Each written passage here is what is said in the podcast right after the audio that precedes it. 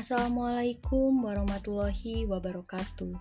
Kembali lagi dengan saya Asmi Naziatul Nuryaningsih dengan NIM 2000936 kelas 1B Program Studi Pendidikan Kewarganegaraan.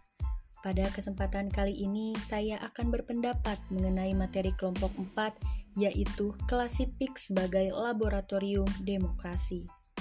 Demokrasi adalah sebuah prinsip dalam pemerintahan di mana kekuasaan tertinggi dipegang oleh rakyat. Pendidikan yang demokratis berarti melibatkan murid secara aktif dalam seluruh proses pendidikannya, bukan sebaliknya berpola top-down, yakni berpusat pada guru sehingga murid berperan sebagai objek didik. Sebagaimana yang dikatakan oleh Paulo Freire dengan istilah banking system education – atau pendidik gaya bank di mana murid diibaratkan sebagai celengan yang bersifat koin.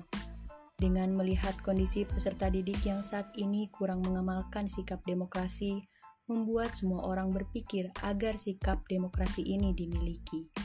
Mewujudkan kelas sebagai laboratorium demokrasi bisa melalui keterbukaan antara guru dengan peserta didik dalam membiasakan penerapan sikap demokratis di kelas yang dilaksanakan secara berkala. Sebelum masuk ke demokrasi dalam berbangsa dan bernegara, kita sudah seharusnya bisa mengenal itu dari usia dini, khususnya ketika remaja. Sekolah dijadikan laboratorium demokrasi bukan karena adanya pelajaran PPKN yang mengajarkan apa itu demokrasi di sekolah. Namun, di sekolahlah para siswa dapat mempraktikkan secara langsung demokrasi tanpa mereka sadari. Beberapa contoh alasan mengapa sekolah dijadikan laboratorium demokrasi. Yang pertama adalah proses berdiskusi dalam sebuah kelompok. Dalam aktivitas tersebut, setiap anggota akan memberikan pendapat dan menerima pendapat.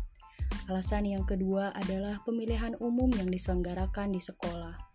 Ini adalah bentuk secara langsung demokrasi di sekolah, di mana para siswalah yang menentukan nasib sekolah mereka dengan menentukan pemimpin.